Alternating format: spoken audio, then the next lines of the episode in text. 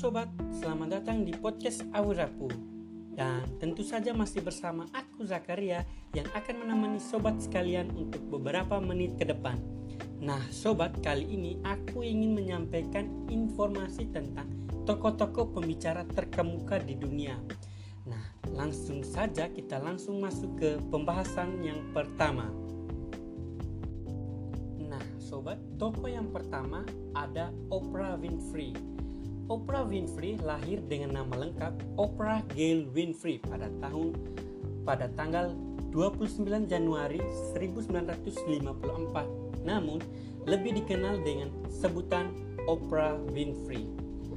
Dia pernah mengungkapkan masa lalunya yang pahit, yaitu dia menyatakan bahwa dirinya dianiaya oleh sepupu, paman, teman, dan keluarganya sendiri. Namun, dimulai ketika dia berusia 9 9 tahun sesuatu yang pertama kali dia umumkan pada episode tahun 1986 dalam acara TV-nya tentang pelecehan seksual. Namun, hal tersebut tidak membuat dia terpuruk dan patah semangat. Terbukti pada saat dirinya berumur 17 tahun, dia memenangi kontes kecantikan Miss Black Tennessee dia juga menarik perhatian stasiun radio kulit hitam lokal karena kecakapannya dalam berbicara. Kemudian stasiun radio tersebut mempekerjakan Winfrey di sana sebagai pekerja paruh waktu. Dia juga memenangkan kontes lomba pidato yang memberinya beasiswa penuh ke Universitas Negeri Tennessee. Oprah Winfrey merupakan seorang pembawa acara talk show, produser TV, aktris, penulis, dan dermawan Amerika. Dia dikenal karena acara bincang-bincangnya. Dia di acara The Oprah Winfrey Show yang disiarkan dari Chicago yang merupakan program televisi dengan rating tertinggi dalam sejarah dan berjalan dengan sindikasi nasional selama 25 tahun dari 1986 hingga 2011. Dijuluki ratu semua media, dia adalah orang Afrika Amerika terkaya di abad 20 dengan multimilioner kulit hitam pertama di Amerika Utara dan dia telah menduduki peringkat dermawan kulit hitam terbesar dalam sejarah Amerika. Pada tahun 2007, dia dinobatkan sebagai wanita paling berpengaruh di dunia. Nah, sobat, itu tadi Sekilas mini profil dari Oprah Winfrey. Tokoh yang berikutnya ada Martin Bashir.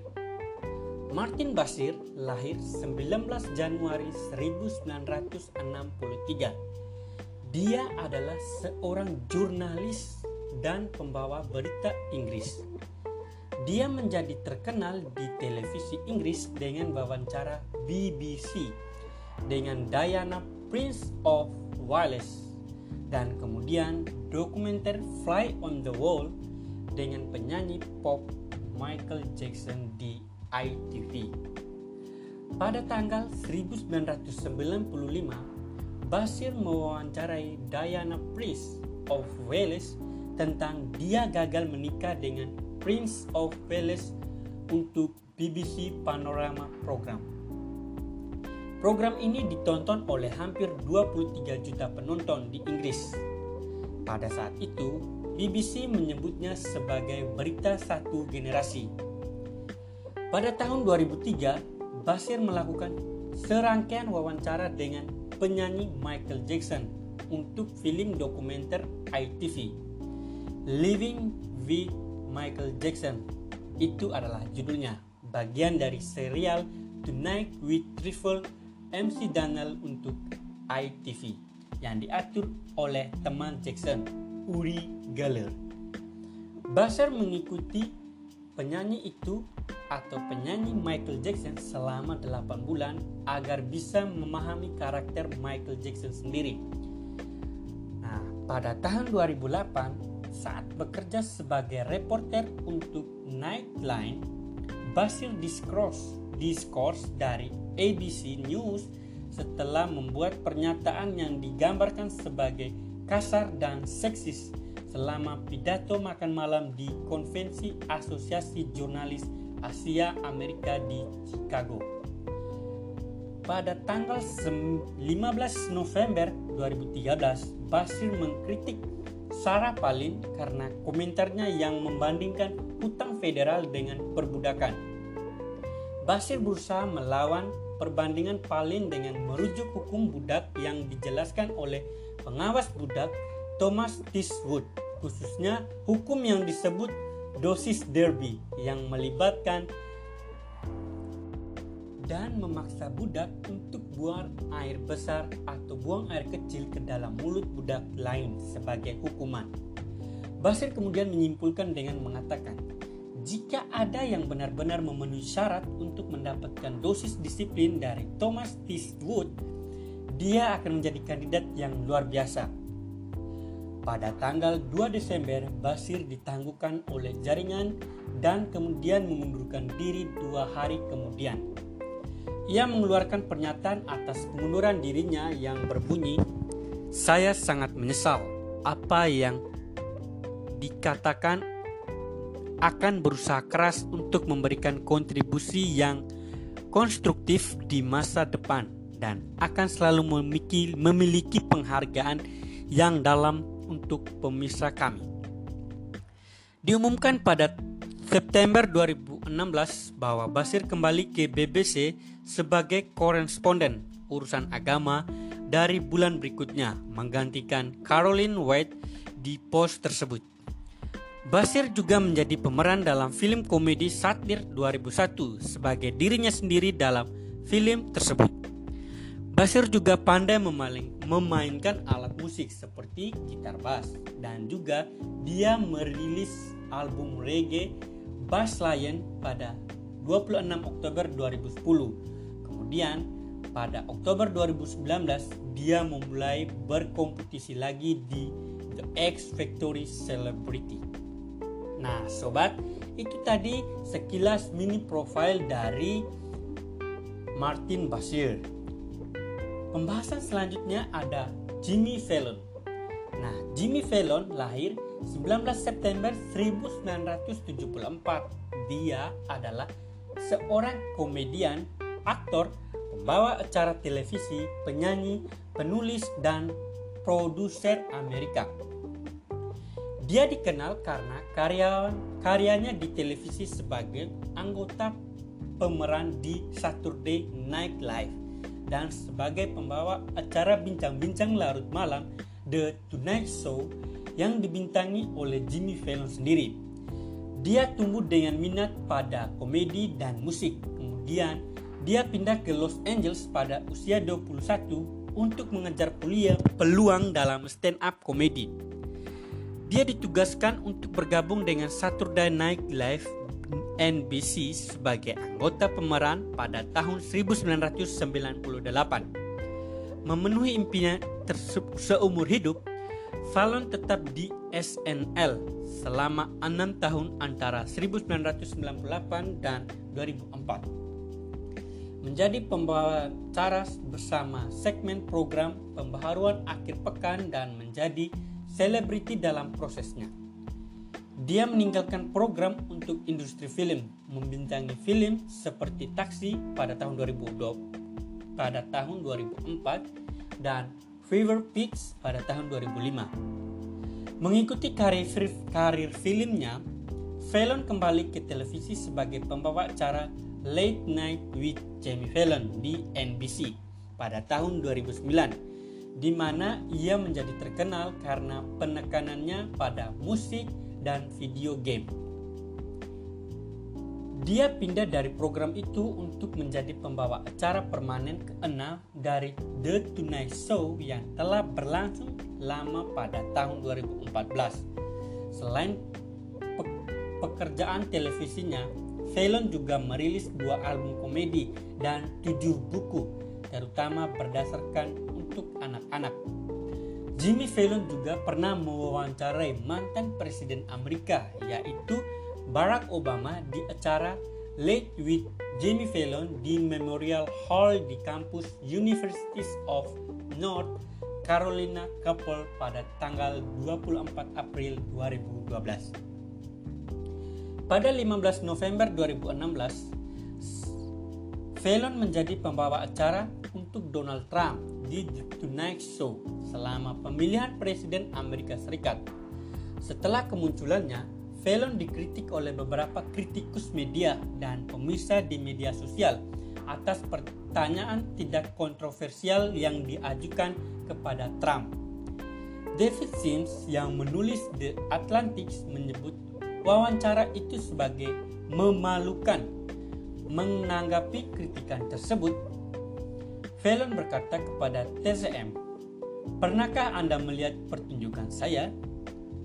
Saya tidak pernah terlalu keras pada siapa pun. Kami akan mengadakan Haley Clinton besok dan kami akan melakukan sesuatu yang menyenangkan dengan terlalu Fallon meminta maaf pada Maret 2017 atas wawancara tersebut dengan mengatakan, "Saya tidak melakukannya untuk memanusiakan dia. Saya hampir melakukannya untuk meminimalkannya. Saya tidak berpikir itu akan menjadi pujian. Setelah itu, saya hancur. Aku tidak bermaksud apa-apa dengan itu. Aku hanya mencoba untuk bersenang-senang." Dia sekali lagi meminta maaf atas wawancara pada Juni 2018 di podcast Hollywood Reporter mengatakan bahwa dia membuat kesalahan dan menambahkan saya tidak melakukan untuk menormalkan dia atau untuk mengatakan saya percaya pada keyakinan politiknya atau apa pun tentang hal itu.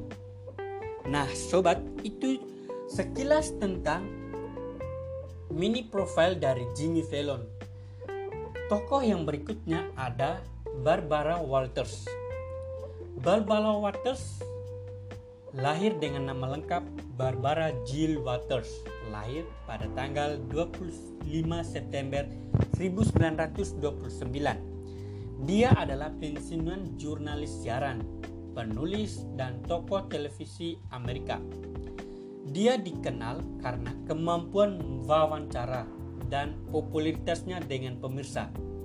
Walters muncul sebagai pembawa acara di berbagai program televisi, termasuk Today The View, 20 per 20, dan ABC Evening News.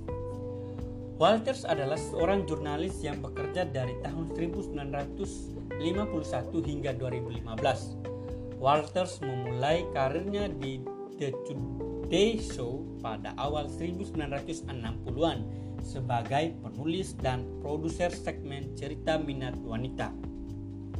Popularitasnya dengan pemirsa mengakibatkan Walters menerima lebih banyak waktu tayang dan pada tahun 1974 dia menjadi pembawa acara bersama program tersebut. Wanita yang wanita pertama yang memegang gelar seperti itu di program berita Amerika. Pada tahun 1976, ia terus menjadi pelopor wanita dalam penyiaran dengan menjadi co-anchor wanita pertama dari program berita malam jaringan bersama Harry Resoner di ABC Evening News.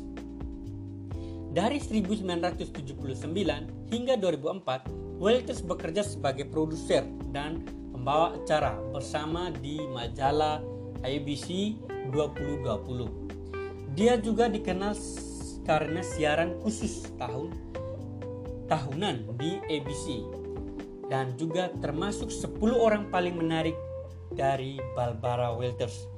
Walters menciptakan dan memproduksi serta menjadi pembawa acara bersama di acara bincang-bincang ABC siang hari The View pada tahun 1997 di mana ia muncul sebagai sampai ia muncul sampai pensiun pada tahun 2014.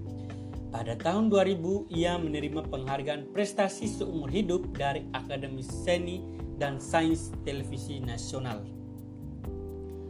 Walters juga dikenal karena jurnalisme kepribadian dan skop wawancaranya. Pada November 1977, ia melakukan wawancara bersama dengan Presiden Mesir Anwar al-Sadat dan Perdana Menteri Israel Menachem Begin. Menurut The New York Times, ketika dia melakukan mano a mano dengan Walter Cronkite untuk mewawancarai kedua pemimpin dunia, di akhir wawancara Cronkite, dia dengan jelas terdengar berkata, Apakah Barbara mendapatkan sesuatu yang tidak saya dapatkan?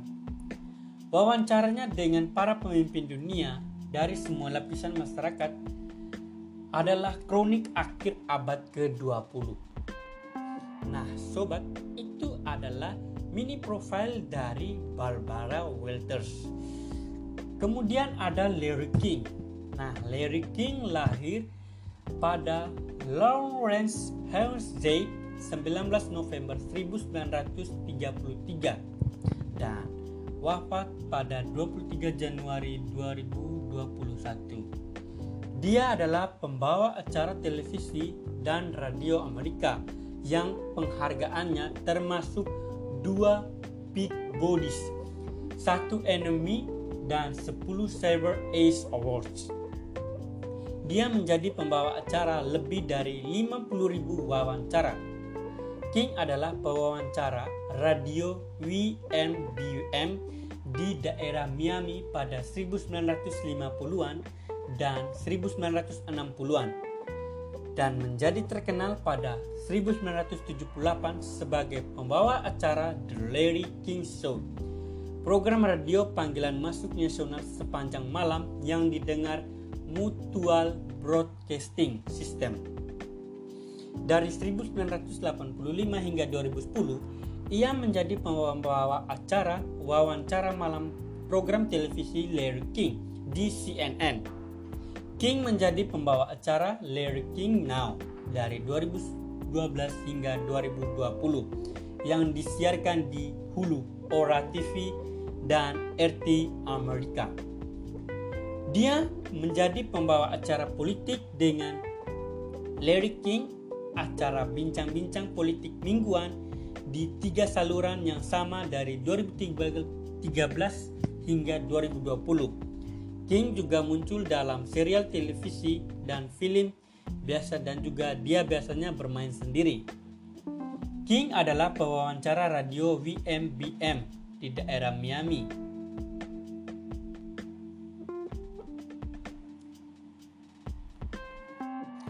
Nah sobat, tadi mini profile dari Larry King. Berikutnya ada David Letterman Nah, David Letterman lahir dengan nama lengkap David Michael Letterman. Lahir pada 12 April 1947. Dia adalah pembawa acara televisi, komedian, penulis, dan produser Amerika. Dia menjadi pembawa acara talk show televisi larut malam selama 33 tahun, dimulai dengan 1 Februari 1982 dalam debut The Late Night with David Letterman di NBC dan diakhiri dengan siaran Late Show with David Letterman pada 20 Mei 2015 di CBS. Secara total, Letterman menjadi pembawa acara 6.080 episode Late Night and Late Show melebihi teman mentornya Johnny Caron, Carson sebagai pembawa acara talk show larut malam terlama dalam sejarah pertelevisian Amerika. Pada tahun 1996, Letterman menduduki peringkat ke-45 pada TV Guide 50 TV Star Greatest All of Time. Pada tahun 2002, pertunjukan terlambat bersama David Letterman menduduki, menduduki peringkat ketujuh di 50 acara TV terbesar sepanjang masa TV Guide. Ia juga menjadi seorang produser televisi dalam film dalam film. Perusahaannya Worldwide Bands memproduksi acara setelah The Late Late Show dan beberapa film komedian prime time. Yang paling sukses adalah Everybody Loves Raymond. Sekarang dalam sindikasi.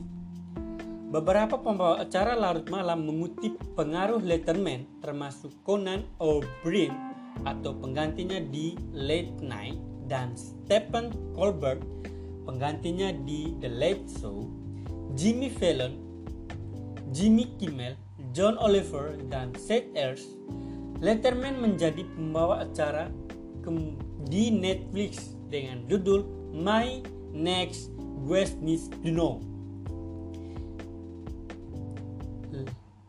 Acara Letterman ini telah mengumpulkan pujian dan kritik industri, menerima 67 nominasi Emmy Awards dan memenangi 12 kali dalam 20 tahun pertamanya di televisi larut malam. Dan dari tahun 1993 sampai 2009, Letterman menjadi peringkat tertinggi di dari Leno dalam acara tahunan Harris Poll dari bangsawan kepribadian TV favorit 12 kali. Misalnya pada tahun 2003 dan 2004, Letterman menduduki peringkat kedua dalam jejak pendapat itu. Hanya di belakang